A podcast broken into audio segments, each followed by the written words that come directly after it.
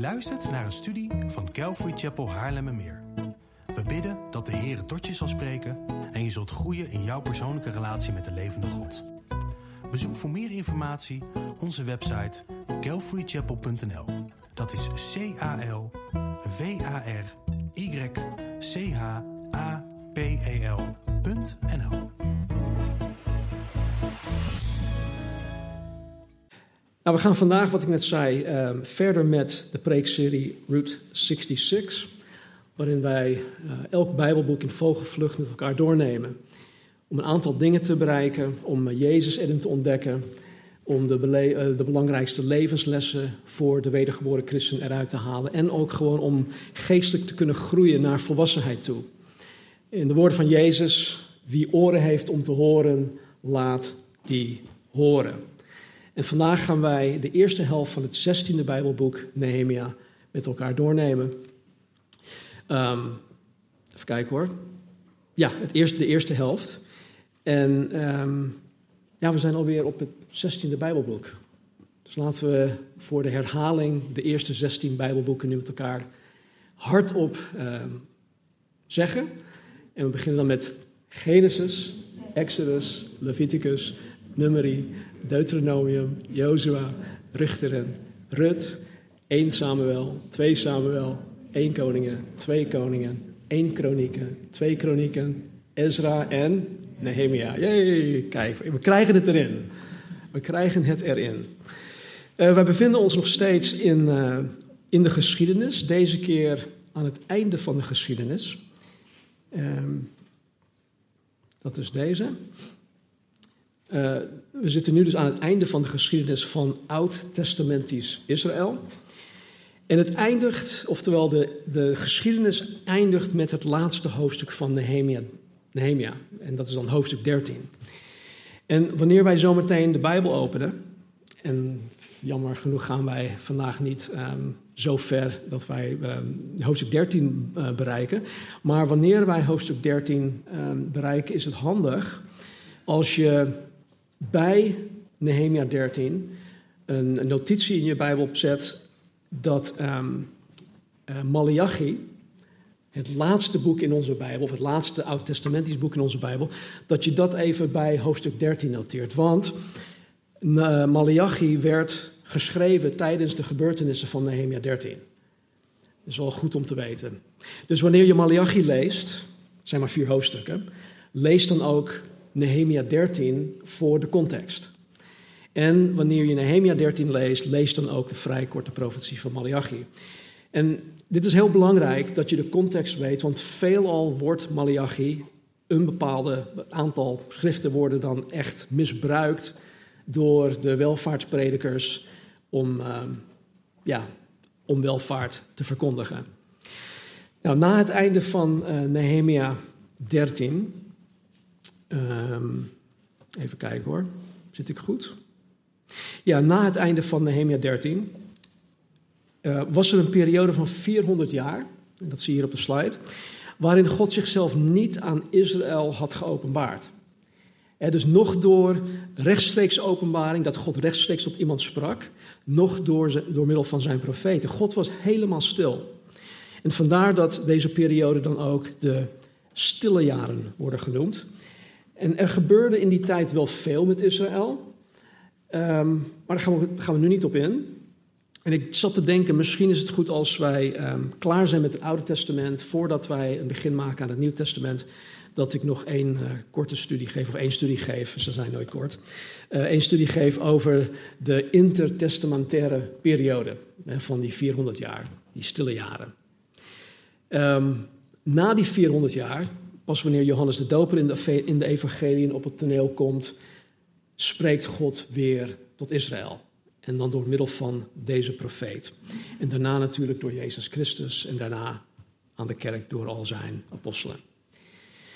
Um, Esther.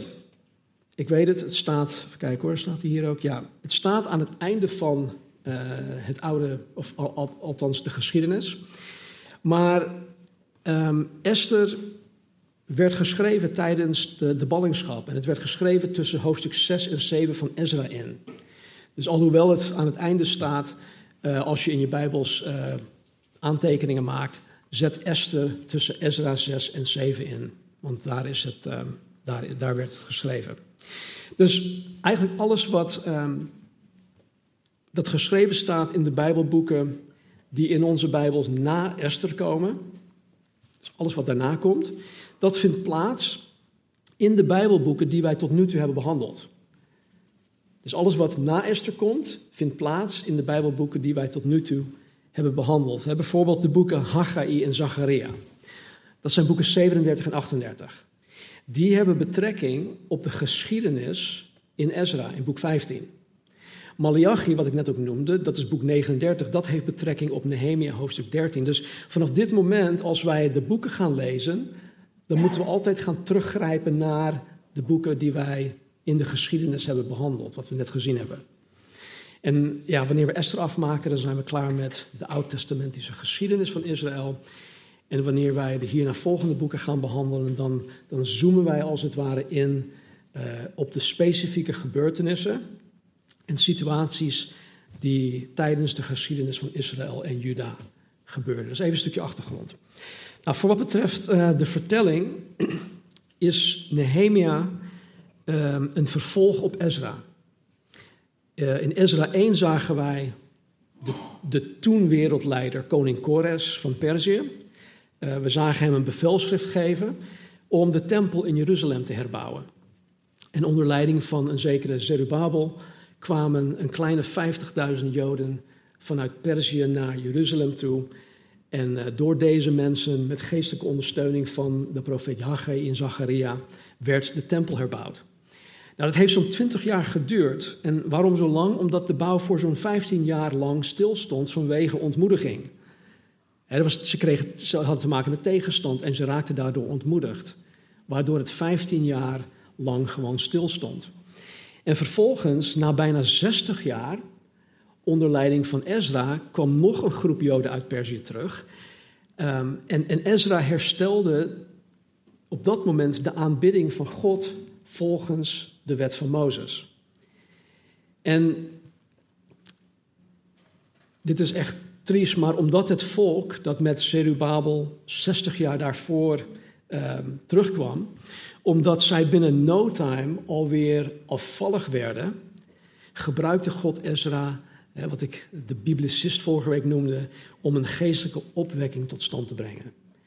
Dus het is heel bizar. Na een, een zo'n korte periode, 60 jaar, werd Israël, werd Juda alweer afvallig. En God gebruikte Ezra om dat weer allemaal recht te zetten. Nou, wat we vandaag gaan zien, is dat twaalf jaar nadat Ezra het volk geestelijk had hersteld, Nehemia door God geroerd wordt om naar Jeruzalem toe te gaan om de stadsmuur te herstellen.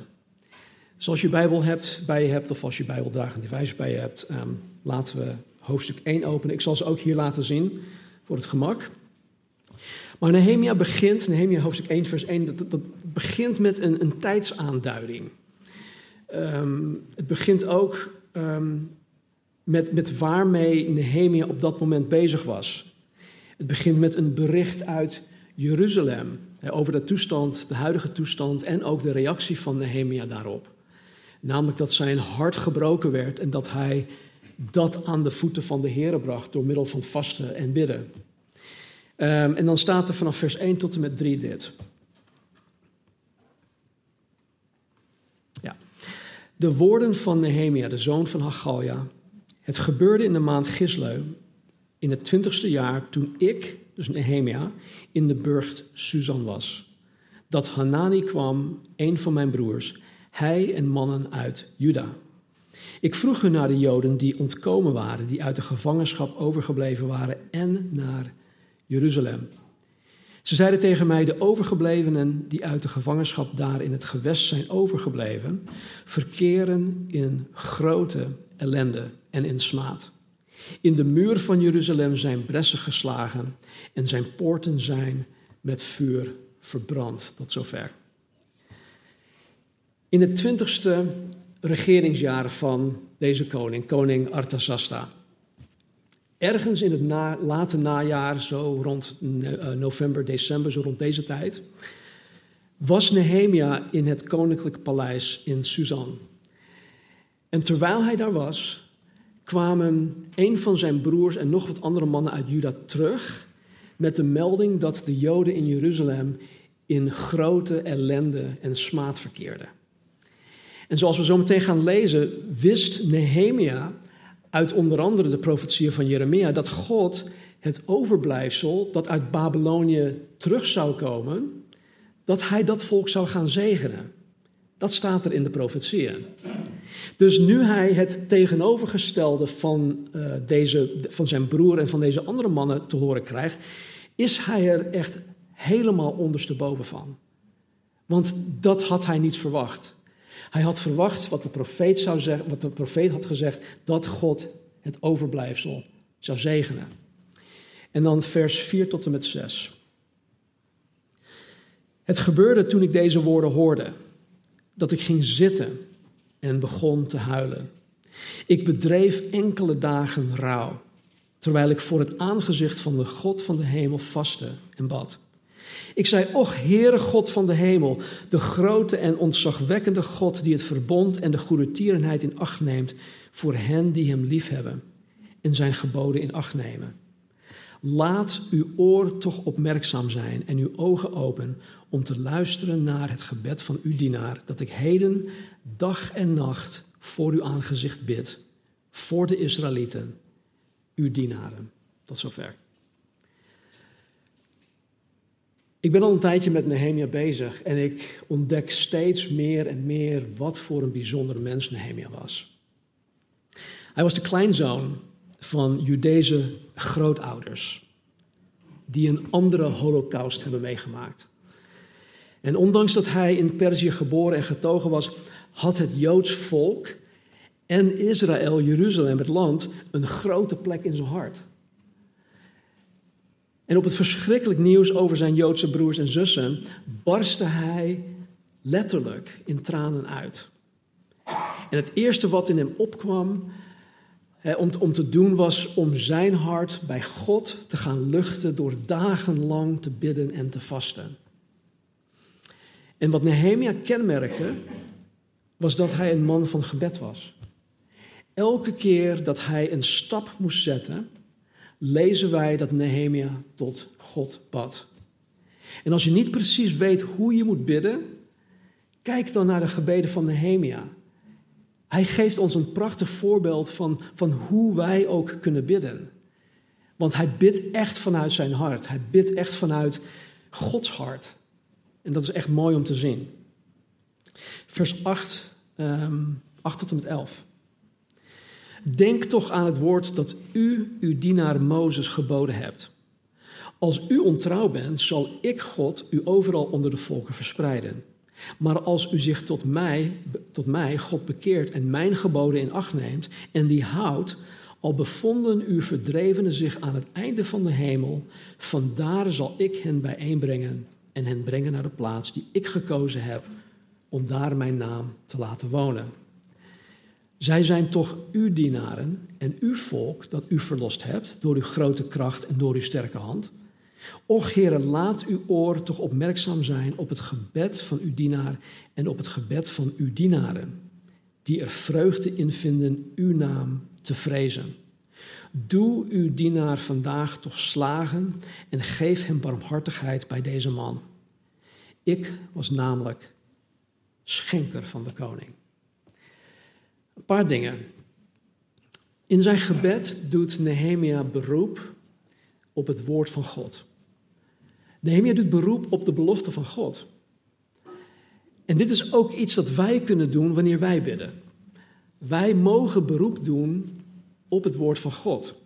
Bijvoorbeeld Jacobus 1 belooft dat wanneer wij wijsheid nodig hebben, dat wij het aan God mogen vragen. En dan staat er ook nog eens dat God het ons zal geven. Dus wij kunnen biddend beroep doen op die versen in Jacobus hoofdstuk 1. Dit is maar één voorbeeld. Jezus zegt in Johannes 6 tot twee keer toe dat niemand, geen enkel persoon op deze planeet, tot geloof in Jezus zou kunnen komen tenzij God de Vader door middel van de Heilige Geest die persoon tot Jezus toetrekt. Dus wanneer wij um, voor ja, nog niet gelovige mensen in ons leven bidden, mogen wij beroep doen op God om nog niet gelovige mensen naar Jezus toe te trekken, om hen tot geloof te brengen. Wij kunnen mensen niet tot geloof brengen. Alleen God kan dat. Alleen de Heilige Geest kan iemand tot wedergeboorte brengen. God gebruikt ons wel als instrumenten om, om de mensen in dat proces te helpen. Maar wij kunnen mensen niet redden. Maar wij moeten wel blijven proberen om mensen in dat proces daarbij te helpen. Nehemia vraagt God aan het einde van dit gebed om hem te doen slagen bij de koning. Omdat hij als schenker van de koning toegang had tot de koning. Hij had zijn oor.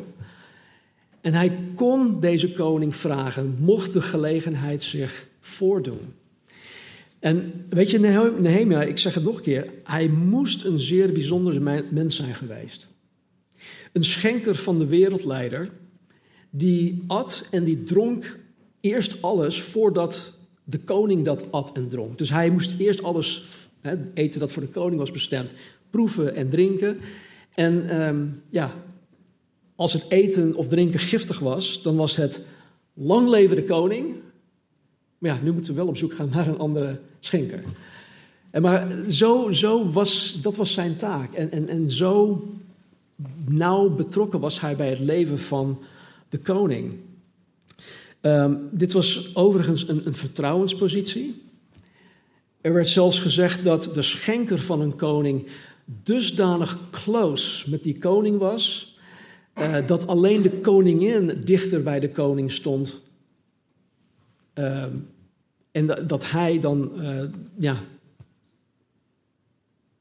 ernaast stond, of de, de, de volgende. En de koningen die, die kozen niet zomaar iemand.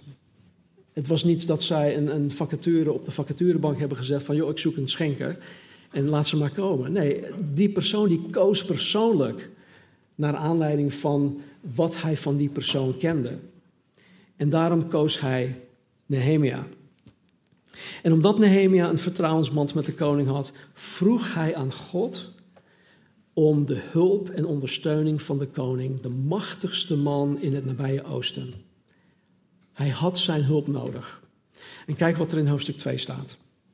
Hoofdstuk 2, vers 1 en 2. Het gebeurde in de maand Nisan, in het twintigste jaar, jaar van koning Artasasta, toen er wijn voor hem gereed stond, dat ik de wijn nam en aan de koning gaf. Nu was ik nooit in zijn tegenwoordigheid verdrietig geweest. Toen zei de koning tegen mij: Waarom staat uw gezicht zo verdrietig terwijl u toch niet ziek bent? Dit is niets anders dan hartepijn. Toen werd ik heel erg bevreesd.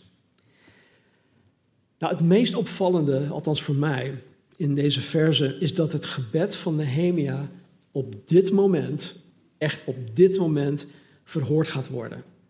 Maar pas na vier maanden lang gebeden en gevast te hebben. Het duurde vier maanden voordat God deze deur voor hem opende. Hij begon in de negende maand te bidden en nu is het de eerste maand. Dus vier maanden lang heeft hij gevast en gebeden. En ik weet het, liefst willen wij dat God alle minuut onze gebeden verhoort. En misschien zijn sommigen onder ons iets meer geduldig. En ja, dan zijn we bereid om wat langer te wachten. Maar als wij na, een week lang gevast en gebeden te hebben, dan hebben wij zoiets, ja, dan moet, God, u moet toch nu echt wel iets gaan doen. En zo zitten wij nou eenmaal in elkaar. En de maatschappij helpt ons daar ook niet bij. Deze magnetronmaatschappij. En ik geloof dat er, dat er daarom ook in Handelingen 2, vers 42 staat dat de eerste gemeente onder andere volharde in de gebeden. En dat betekent niet dat alleen dat zij volharden in de zin dat zij baden, maar dat zij net zo lang door waren totdat God hun gebeden had verhoord.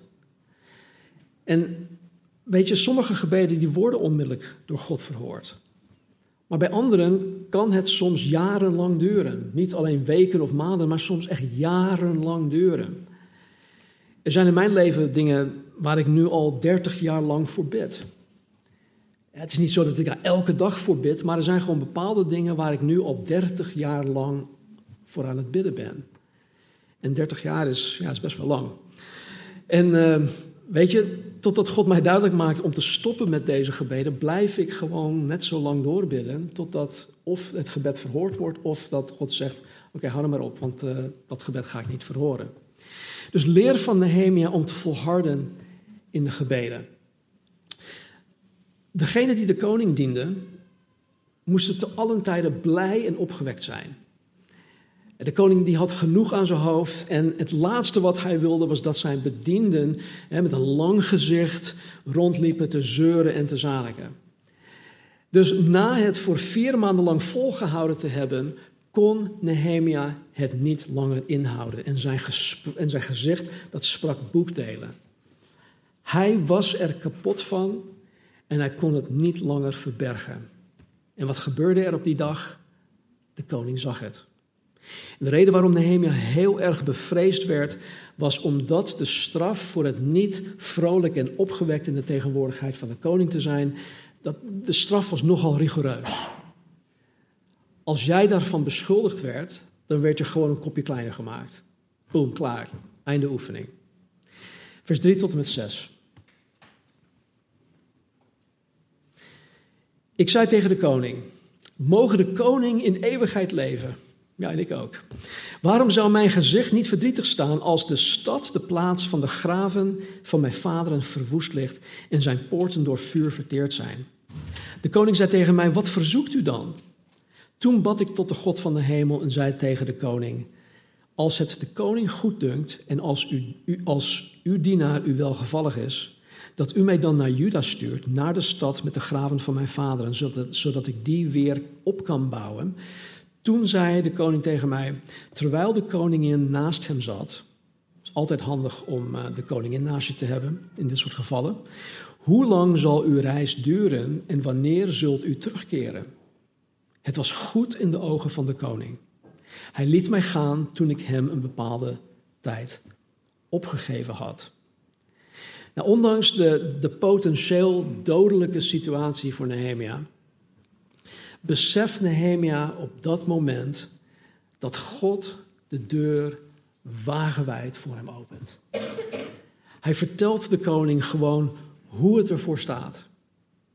En zonder dat hij de koning om hulp hoefde te vragen, vraagt de koning: Wat verzoekt u dan?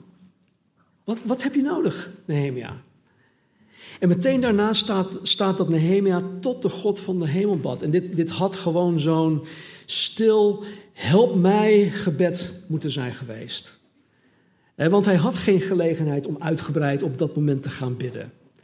Maar weet je, omdat hij reeds vier maanden lang al aan het bidden was geweest, omdat hij vier maanden lang aan het vasten was geweest, ehm, was zo'n schietgebedje gepast en het was voldoende. Want hij was vier maanden lang al bezig om heel erg specifiek te bidden. Nu opent God de deur. De koning vraagt aan hem: Wat moet je? Wat, wat heb je nodig? O Heer, help me. En hij, hij begint te vertellen. En weet je, jammer genoeg blijft het gebedsleven voor sommigen onder ons alleen maar bij schietgebedjes. En dat is zo'n groot gemis. Dat is zo'n groot gemis voor jou. Nou, nu zien wij dat Nehemia al die tijd gebeden had. Want hij is er goed op voorbereid om de koning een concreet antwoord te kunnen geven. Er werd ooit gezegd dat uh, wanneer iemand zich voor God, de koning, buigt, hij voor alle koningen kan staan. En dat zien wij hier in het geval van Nehemia, dat zien wij ook in het geval van de apostel Paulus, dat zien we ook in het geval van Jezus Christus. En er zijn nog meer die wij kunnen noemen. Nehemia was vier maanden lang aan het bidden en vasten geweest. Maar tegelijkertijd was hij vanuit zijn gebeden ook plannen aan het maken. Hij bereidde zich al biddend goed voor, zodat hij er klaar voor zijn op het moment dat God zijn gebed zou verhoren en die deur voor hem zou openen. En veelal bestaat ons gebedsleven uit het bidden voor, voor dingen en voor situaties en voor crisissen. En uh, dit klinkt logisch en dat zijn allemaal goede dingen. Maar bidden hoort ons ook in beweging te brengen. Wij moeten niet passief bidden of passief blijven bidden. Bidden hoort ons in beweging te brengen. Bidden is geen monoloog waarin wij slechts aan het woord zijn. Nee, bidden is, is veelal ook luisteren naar Gods stem. En dat stilzacht stemmetje. Dat stilzacht stemmetje dat ons op zijn woord wijst. Dat woord dat rijkelijk in ons woont. Dat God weer tot onze herinnering kan brengen. En zodat wij ook te weten komen wat wij naast het bidden moeten gaan doen. Ja, we moeten bidden, maar ja, we moeten ook in beweging komen. Wij moeten te weten komen vanuit ons gebed wat God wil dat wij doen in de situatie waar wij voor bidden. En daarom vaak als iemand mij iets vraagt van joh, zou jij dit willen doen, zou je dat willen doen? Eerste wat ik tegen die persoon zeg, ja, afhankelijk van de situatie natuurlijk, maar dan zeg ik van ja, ik, ik wil er eerst voor gaan bidden. En dan is het niet dat ik super geestelijk ben of zo, maar, maar ik wil gewoon van God horen, Heer, wat moet ik hiermee? En, en hoe moet ik hierin handelen? Wat wilt u hierin van mij? Kijk, als je, het is misschien, ligt misschien heel gevoelig, maar als je bijvoorbeeld vrijgezel bent en je bidt voor een man of een vrouw. Naast het bidden, wat doe jij eraan om voor die persoon waar jij voor bidt een goddelijke eh, man of vrouw te zijn? Of te worden, als je dat nu nog niet bent. Met andere woorden, hoe bereid jij jezelf voor om een godvrezende partner te zijn? Verdiep jij je bijvoorbeeld in het woord van God om van God te weten te komen hoe een God erende partner te zijn voor op het moment dat God jou die partner geeft? En als je op dit moment eerlijk bent en je kunt op dit moment niet met zekerheid zeggen dat jij een bijbelse man of vrouw bent voor die eventuele partner, wat doe je er nu dan aan? Terwijl je nu voor die persoon aan het bidden bent. En niet, niet misschien voor die persoon, maar dat jij zo'n persoon zou krijgen. Wat eigenlijk heel egoïstisch is. Vraag je God alleen maar om die vrouw of man? Of bereid jij je ook voor om de man of vrouw te zijn die waardig is om Gods dochter of zoon te mogen ontvangen van God als jouw levenspartner? Ben jij degene aan wie God zijn dochter of zoon kan toevertrouwen? Kijk, Marnie is, is mijn vrouw. Ik ken haar al 39 jaar bijna. Maar uiteindelijk is Marnie Gods dochter en God heeft haar aan mij toevertrouwd. Ik ben Gods zoon en God heeft mij aan haar toevertrouwd. Dus als je nu vrijgezel bent en je bidt me, oh ik wil zo graag een man, oh ik wil zo graag een vrouw. Wat is jouw beweegreden daarvoor? Is het egoïstisch? Of zoek jij iemand waarvoor jij een godvrezende partner kan zijn? En wat doe je daar nu aan terwijl je daarvoor aan het bidden bent? Kijk, als je alleen maar uit wanhoop bidt voor een partner. En jij laat je door Gods geest en Gods woord niet heiligen. dan ben je niet een Nehemia. En laten we dat vooropstellen. Maar goed, dit is slechts één voorbeeld van hoe wij het voorbeeld van Nehemia moeten navolgen. Mijn uh, voorganger, pastor Chuck Smith, zei dit. Uh, je kunt meer doen dan alleen bidden als je reeds gebeden hebt. Maar je kunt beter niets doen voordat je gebeden hebt. En dus je kunt meer doen dan alleen bidden als je reeds gebeden hebt, maar je kunt beter niets doen voordat je gebeden hebt. Dus gebed is niet alleen passief dingen aan God vragen. Nee, gebed hoort ons in beweging te brengen. En gaandeweg gaan we ontdekken wat God van ons wil, wat God van ons verlangt, wat Hij van ons vereist. Nou, wat ook in deze verse opmerkelijk is, is dat de koning vroeg hoe lang Nehemia weg zou blijven. En het geeft aan dat Nehemia waardevol was voor de koning. En nogmaals, Nehemia was biddend voorbereid en kon de koning laten weten wanneer hij terug zou komen. Dit had hij niet kunnen doen als hij alleen maar lag te jammeren En van Heer, oh, de, mijn, broers en zussen in, in, in Jeruzalem, oh wat erg, wat erg, wat erg, doe er wat aan, doe er wat aan. Nee, hij was specifiek en gericht aan het bidden en God gaf hem ook de dingen om die plannen in, uh, in zijn werk te zetten. Nou, vervolgens vraagt Nehemia de koning om brieven. Eh, brieven die hij mee kon nemen op zijn reis, zodat hij zonder problemen doorgang zou kunnen krijgen uh, totdat hij aan Jeruzalem uh, terecht zou komen. En ook zorgde de koning ervoor dat Nehemia al het nodige timmerhout mee zou krijgen van het koninklijke houthandel. Um, de koning had zelfs gewapende bewakers en ruiters met hem meegestuurd. Dus het zag er veelbelovend uit. Maar zoals wij in onze studie van Ezra hadden gezien, wanneer God een goed werk aan het doen is, is er altijd tegenstand van de vijand. Altijd. En dan staat er in vers 10 dit.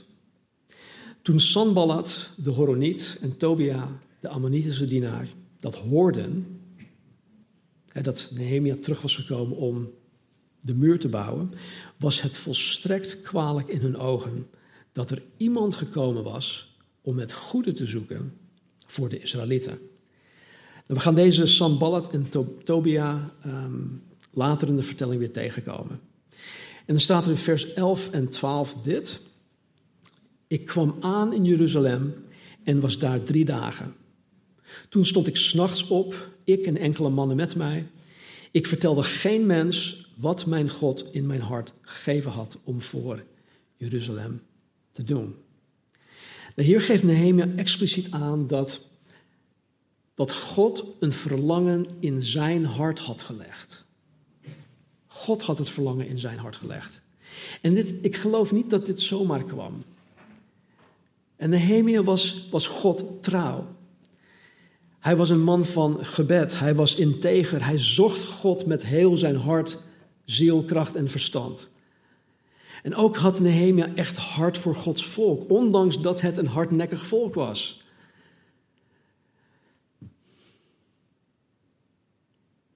Nehemia hield van de gemeente van God. Hij hield van de gemeente van God. En daarom kon God Nehemia gebruiken. Weet je, als je niet van het lichaam van Jezus Christus houdt, dan sta je recht tegenover het hoofd Jezus Christus. Want hij houdt zoveel van zijn lichaam, van zijn bruid, dat hij zichzelf daarvoor gegeven heeft. Dus het is echt, het is onmogelijk om christen te zijn en niet van de kerk te houden. Onmogelijk. Het is overigens altijd goed, uh, wanneer God iets op je hart legt, om er niet meteen met anderen over te hebben. Bewaar het in je hart. Uh, bewaar het in je hart en beoordeel eerst de, de situatie. Voordat je het met anderen deelt. In vers 17 staat dat Nehemia de boel eerst had beoordeeld en dan pas vertelde hij het aan de priesters, aan de edelen, de machthebbers, wat hij van plan was. Vers 17 en 18. Toen zei ik tegen hen, dus de mensen die ik net genoemd heb, u ziet de ellende waarin wij verkeren.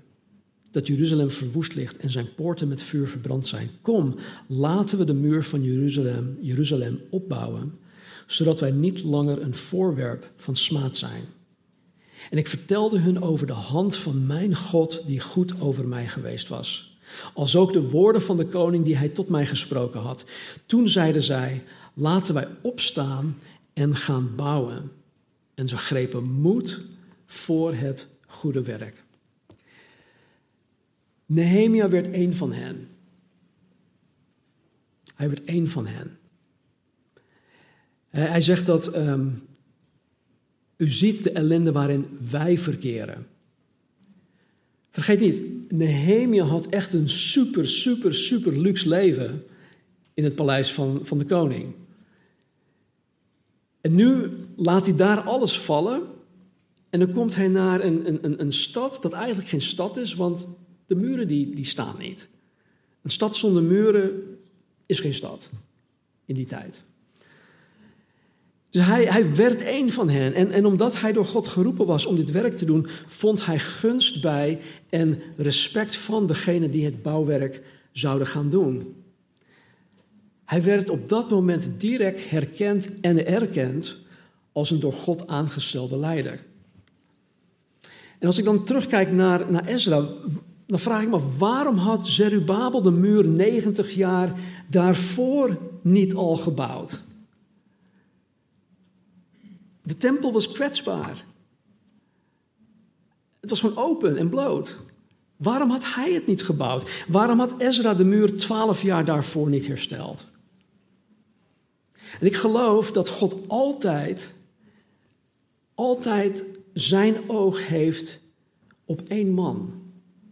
Op één man die hij gebruiken kan en wil om een, specifieke, om een specifiek doel te bereiken. En Nehemia was voor deze taak de door God gekozen man. Nehemia was een man met een missie. Een missie van God. Ik denk dat hij zoiets had van: Make Jerusalem great again. Hij wist voor 100% zeker dat dit gewoon van God was. Hij wist dat God ervoor zou zorgen dat, dat dit werk zou slagen en daarom was hij zo vastberaden. En waar zijn zekerheid uiteindelijk vandaan kwam, was het feit dat de goede hand van de Heer over hem was. En dat hij daarnaar ook handelde.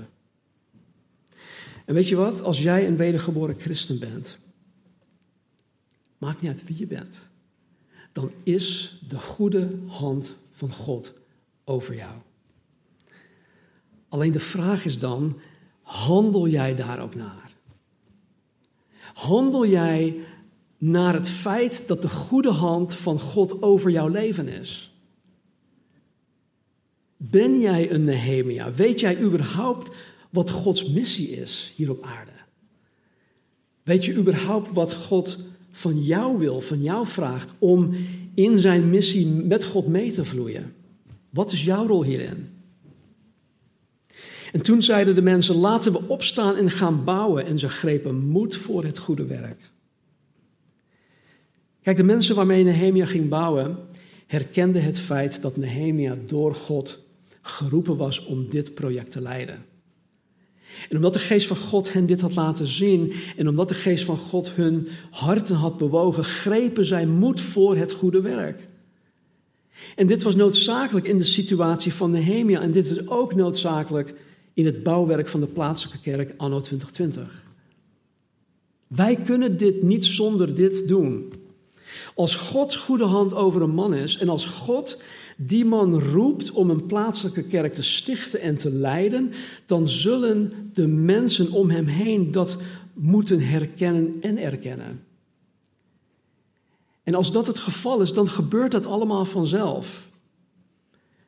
Eh, die, die man, die persoon, die hoeft niet per se te zeggen van... hey, kijk, kijk, de goede hand van God is op mij. Kijk, kijk mij nou eens. Nee, eh, mensen herkennen en erkennen dat. En waar de Heilige Geest het aan de mensen laat zien, zal de Heilige Geest ook de harten van deze mensen ertoe bewegen om mee te gaan helpen in dat goede werk van God.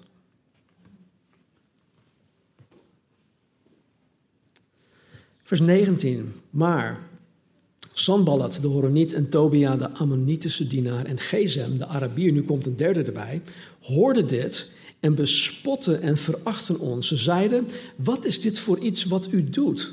Wilt u tegen de koning in opstand komen?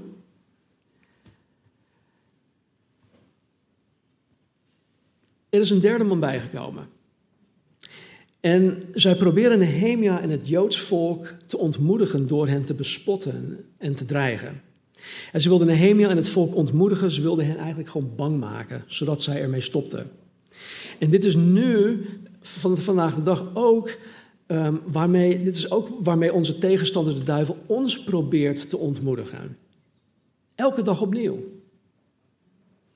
Denk bijvoorbeeld aan dit voorbeeld. Waarom denk jij dat het zo moeilijk is, dat het voor ons zo moeilijk is om ons geloof in Jezus Christus met niet-gelovigen te gaan delen?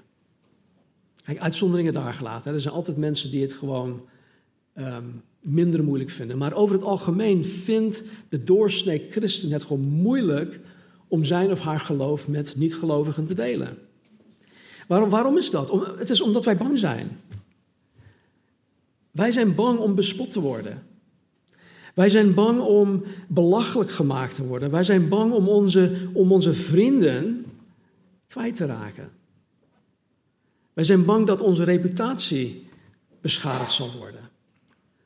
Wij zijn bang dat, uh, omdat wij niet willen dat mensen ons raar gaan vinden. En wat dat ook mag zijn. En we zijn bang om, om dingen kwijt te raken.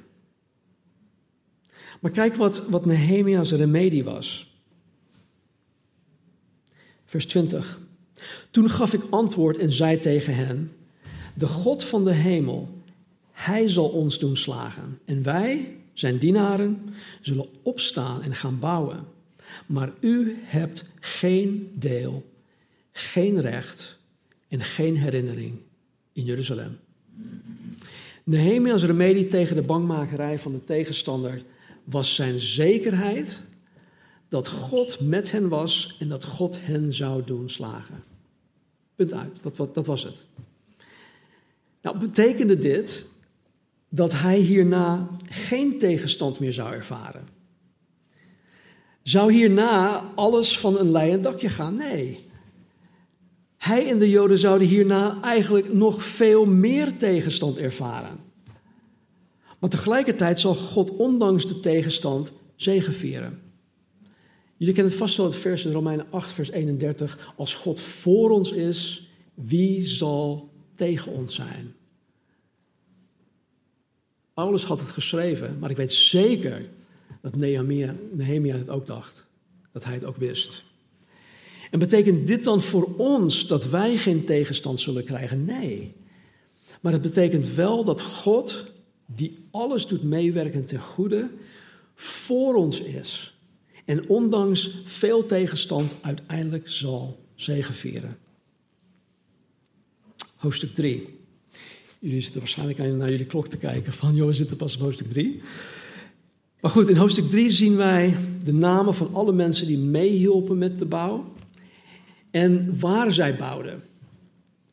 We gaan niet al die, die, die namen noemen, maar een paar dingen. Nou, heel opvallend is dat dit geen bouwvakkers waren. Het waren geen bouwvakkers. Er waren onder andere edelsmeden, wat we misschien juweliers kunnen noemen. Het waren parfumeurs. Het waren handelaren. Het, en en, en zelfs, er was zelfs een zekere Salom bij die, die met zijn dochters bouwde. Dus een man met zijn dochters. Geweldig. Kijk, als je een dakkapel wil laten plaatsen, of als je een uitbouw op de begane grond van je huis uh, wil laten bouwen, dan ga je niet naar een juwelier toe. Of je gaat niet naar een Douglas toe of naar een, uh, hoe heet dat, ICI Paris of een uh, bijenkorf toe voor een offerte. Nee, je gaat naastig op zoek naar een aangemerkt bouwbedrijf. Maar hier in dit verhaal zien wij dat Nehemia, een schenker van de koning, die wellicht totaal geen ervaring had met het bouwen van een stadsmuur, en samen met een hele groep ongeschikte onervaren bouwlieden aan dit bouwproject werkten. En dit bewijst dat God niet op zoek is naar bekwame mensen met de juiste opleidingen. En mensen met een goede cv. Mensen met kennis van zaken. Nee, God, en dit is o zo belangrijk, God bekwaamt degenen die Hem in alles trouw zijn. Dus God is niet op zoek, per se op zoek naar bekwame mensen. Hij bekwaamt degenen die hem trouw zijn. Toen God mij riep in 1992 eh, om naar Nederland te komen, sprak ik echt hè, geen zinnig woordje Nederlands. Nu is mijn Nederlands door Gods toedoen en door mijn inzet wat het nu is. Maar 30 jaar of 25, 26, nee, 27 jaar geleden, 28 jaar geleden, was het gewoon niet zo. Ik had wel wat Nederlands meegekregen van, vanuit mijn ouders, maar dat waren Indische mensen die uit uh, Indonesië kwamen, dus hun Nederlands was gebrekkig. En ja, als ik nu terugdenk aan hoe zij Nederlands spraken, dan, dan moet ik alleen maar lachen. En maar ik, ik had ook voorgenomen toen ik daar als achtjarige jongen naartoe ging vanuit Nederland, ik wil geen Nederlands meer spreken. Ik had voorgenomen, ik spreek alleen maar Engels, ik wil integreren, ik wil Amerikaan zijn. En dat is me heel goed gelukt. Dus ik sprak geen zinnig woordje Nederlands. Maar God heeft mij onder andere in deze Nederlandse taal bekwaamd. Dat ik dit nu mag doen met jullie. En ik weet het, ik zeg soms hele rare dingen. En, en, en soms ligt dat aan de taal, maar soms is het ook gewoon bewust. Dus als jij daaraan twijfelt, loop even naar me toe. Bedoelde jij dat nu echt? En ja, ik heb, ik heb wat, wat mensen hier in de gemeente die mij ook echt helpen met de Nederlandse taal. Ehm, ik zei, uh, ik moet echt lachen, soms, een tijdje geleden, dat is alweer heel, heel lang geleden, had ik het over een, uh, een foetus. Ik, ik, ik bedoelde foetus, maar goed, F-O-E, dat zegt, dat, ja, dat, dat, zeg je als foe. Dus ik, elke, ik had het elke keer over een foetus. En uh, na de dienst kwam een hele lieve dame naar me toe. Stan, het is geen foetus, het is een foetus. Oké. Dus als ik weer dat soort rare dingen doe of zeg, dan uh, kan je gerust naar me toe komen. Dus weet je, laat je alsjeblieft, alsjeblieft niet ontmoedigen door wat de maatschappij ons leert. En namelijk dat wij voor alles wat wij eventueel voor God willen doen, dat wij daar een papiertje voor nodig hebben. Nee, God is het die zijn trouwe dienstknecht bekwaamt. En natuurlijk moet je zoals Nehemia en de Joden keihard werken. Natuurlijk moet je, daar, moet je daarvoor inzetten. Maar uiteindelijk is het God die je zal doen slagen. In hoofdstuk 4 zien wij de tegenstand toenemen. Tegenstand middels bespotting, tegenstand middels ontmoediging, tegenstand middels een dreiging van aanslagen. Deze keer niet alleen door die drie, maar deze keer door Sanballat, Tobia, ook nog eens door Arabieren, door Ammonieten en de inwoners van Asdod. De tegenstand nam alleen maar toe. Maar ondanks alle tegenstand spoorde Nehemia het volk aan tot een mate van vastberadenheid om het werk van God voor te zetten. Dit is zo'n prachtig hoofdstuk. In hoofdstuk 5 zien wij dat de tegenstand niet slechts van buitenaf kwam, maar de duivel, ja, die, die, die, die dwarsboomde de boel intern ook nog eens. Er was in de gemeente van God was er heel veel aan de gang. Er ontstond een situatie waarin de armere Joden niet genoeg te eten hadden. Waardoor zij hun huizen, hun wijngaarden en stukken grond, en stukken land als onderpand gaven aan de meer welgestelde Joden in de gemeenschap. Sommigen verkochten zelfs hun kinderen aan deze welgestelde Joden om aan graan te kunnen komen. En dat is net alsof de armere mensen in de Calvary Chapel hun vastgoed aan de welgestelde mensen in de Calvary Chapel verpanden om überhaupt te kunnen eten. Om eten op tafel te kunnen zetten. of sterker nog, uh, dat bijvoorbeeld uh, familie De Bruin met hun vijf prachtige kinderen hun kinderen aan familie Diaz verkoopt als slaven om eten op tafel te krijgen. Dat, dat doen wij niet. Vanuit Gods oogpunt is dat gewoon zo, zo fout. En Nehemia, toen hij dit, toen hij dit hoorde, toen hij hierachter kwam, was hij wit heet. En wat doet hij? Hij zorgde ervoor dat alles rechtgezet werd. En dan in het laatste stuk van hoofdstuk 5 staat er een prachtig voorbeeld van hoe Nehemia was. En als je wil zien wat zijn karakter was, hoe hij was, wat er in zijn hart leeft, leeft lees dan vooral hoofdstuk 5. Het is zo mooi. In hoofdstuk 6 zien wij dat Sanballat, Tobia en Gezem, die drie, te weten kwamen dat de bouw van de muur um, klaar was. Alleen de poorten waren nog niet gehangen. En dan tot vijf keer toe probeerden zij Nehemia van het werk van God af te halen om hem op een plaats dat Ono heet te ontmoeten. Wat zegt Nehemia? Die zegt, oh no. Die heb ik uh, ge, Gejat van iemand anders. Maar hij, hij, ze vroeg hem, joh, kom, kom naar deze plek toe, we willen met je praten. Maar zij wilden hem alleen maar kwaad doen. En dit is hoe Nehemia elke keer op hen reageerde in uh, vers 3. Toen stuurde ik boden naar hen toe om te zeggen: Ik ben met een groot werk bezig en kan niet komen. Waarom zou het werk stil liggen omdat ik het nalaat en naar u toe te komen? Nogmaals, Nehemia was een man met een missie. Hij had ook visie. Hij was gefocust, hij was vastberaden en hij liet niets of niemand hem van dat werk afhouden. Nehemia hield koers. En, ja, wat een held. Onder andere Nehemia, het voorbeeld van Nehemia, heeft mij persoonlijk enorm geholpen, geholpen toen er een jaar of vijf geleden een, een kerkscheuring hier in de Calvary Chapel ontstond. Uh, door een zekere Sanballat en Tobia. Uh, een aantal mensen waren er niet van overtuigd dat God mij hiertoe geroepen had. En hier als voorganger geplaatst had. En ze waren er stellig van overtuigd dat de Calvary Chapel Haarlemmermeer niet een echt werk van God was. En het gevolg was dat zij zo'n twintig mensen hiervan wisten te overtuigen. En zo, gingen er bijna, of zo ging er bijna een derde van onze gemeente met hun weg. Ontevreden met mij, ontevreden met de Calvary Chapel. God zij dank, dit is zo, zo mooi. God zij dank dat een aantal van hen naar ons teruggekeerd zijn. En ik zie deze mensen nu echt floreren in hun relatie met de Heer.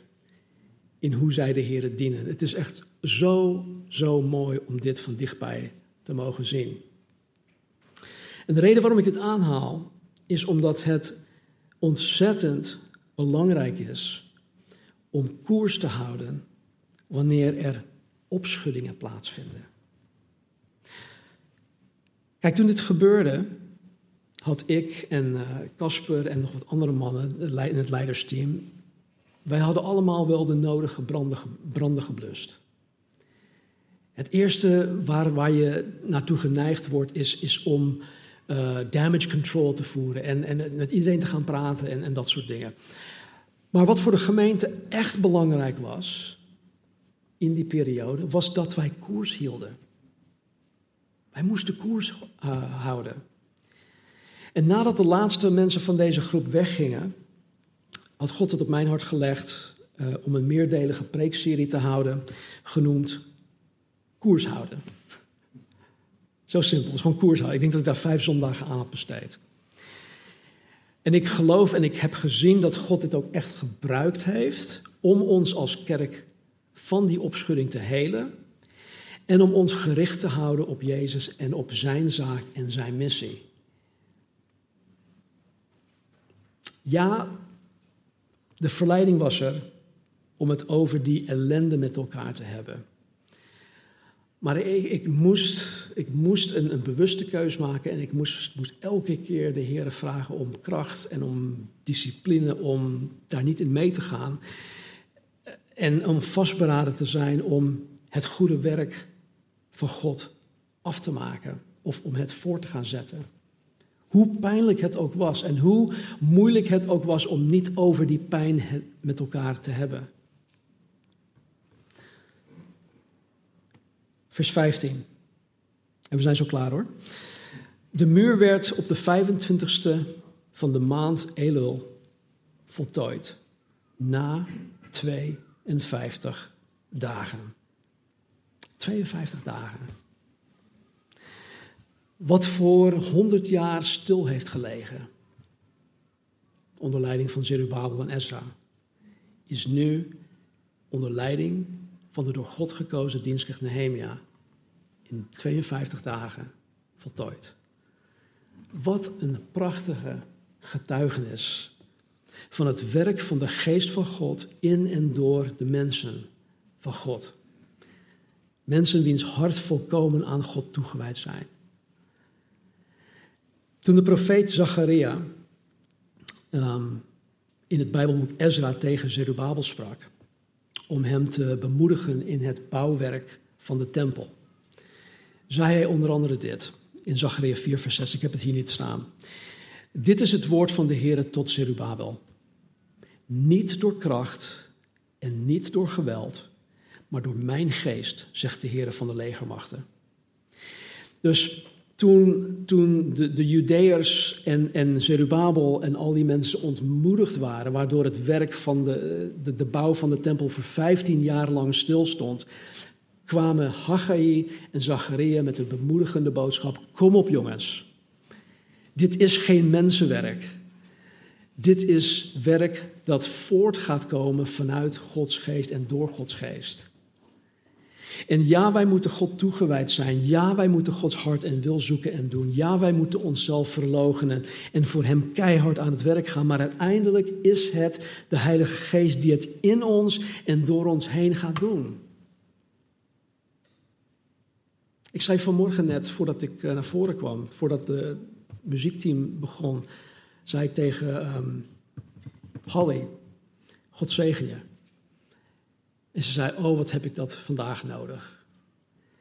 En dan zei ze, ja niet, niet alleen vandaag, maar op dit moment heb ik het echt nodig. Zij is ervan bewust dat dit een werk van God is en dat God het door ons heen moet gaan doen. Anders zijn wij, anders zijn wij een vereniging. Niets meer dan een vereniging. Dus ben jij als wedergeboren christen als Nehemia? Zo nee, maak vandaag de bewuste keus om dat te willen zijn. We schieten daarin allemaal tekort, ik ook. Maar ik wil elke dag opnieuw die keus maken om als Nehemia te willen zijn. Uiteindelijk om als Jezus Christus te zijn. Maar maak gewoon die keus. Maak het elke dag opnieuw. Vertel God dat het jouw hartsverlangen is om, als, of om zoals Nehemia te willen zijn. Een mens uh, volkomen aan God toegewijd. Een mens volkomen in sync met het hart en met de wil van God. Een mens waarop de goede hand van de, van de Heer over rust. Een mens met een missie. De missie van God. Laten we bidden. Hemelse Vader, dank u wel dat u ons het prachtig voorbeeld van Nehemia hebt gegeven. Dank u wel voor zijn leven. Dank u wel dat u hem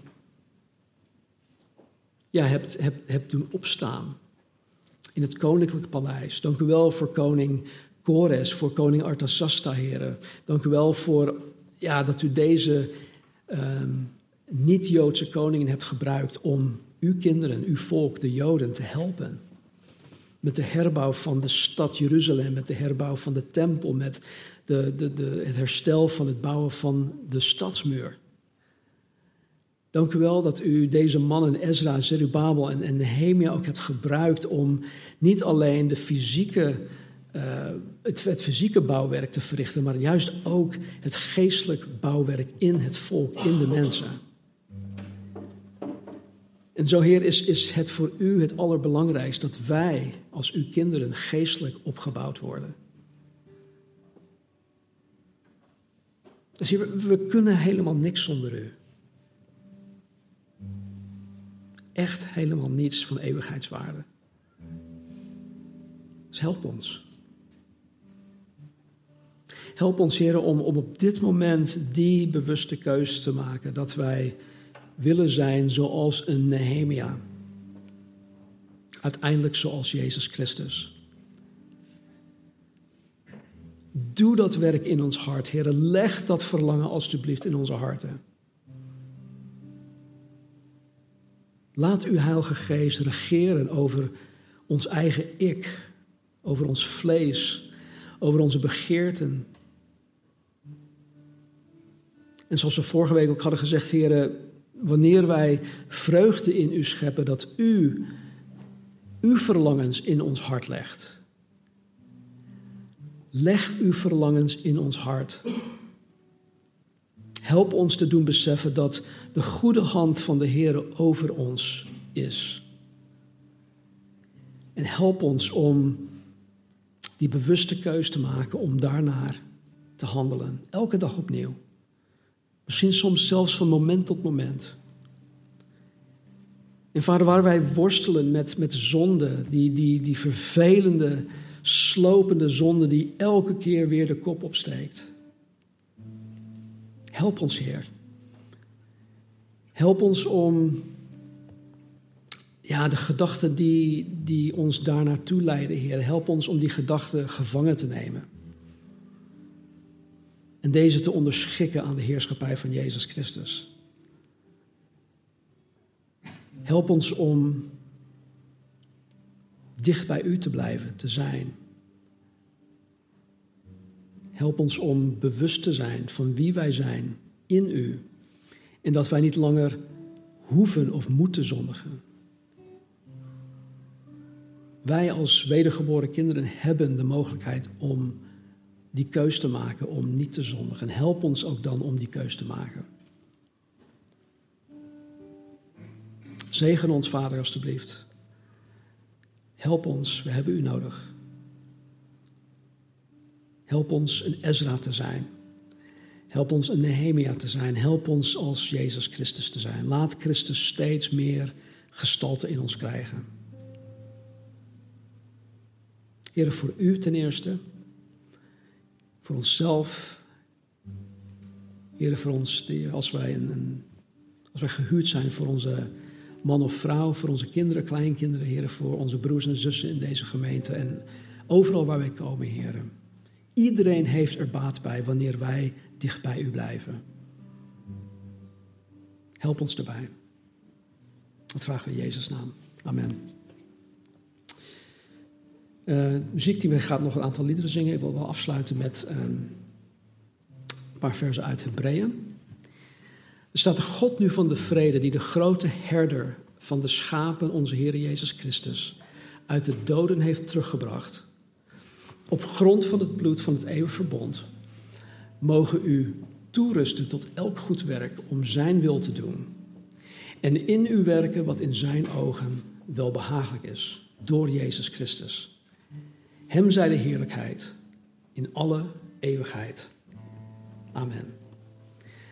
God zegen jullie. Wees lief voor elkaar. En laat je licht dusdanig schijnen deze week, zodat allen die met jullie te maken krijgen, zullen zien dat jullie daadwerkelijk in Christus zijn en dat jullie goede daden tot eer en verheerlijking van God de Vader zullen zijn. God zegen. Dankjewel.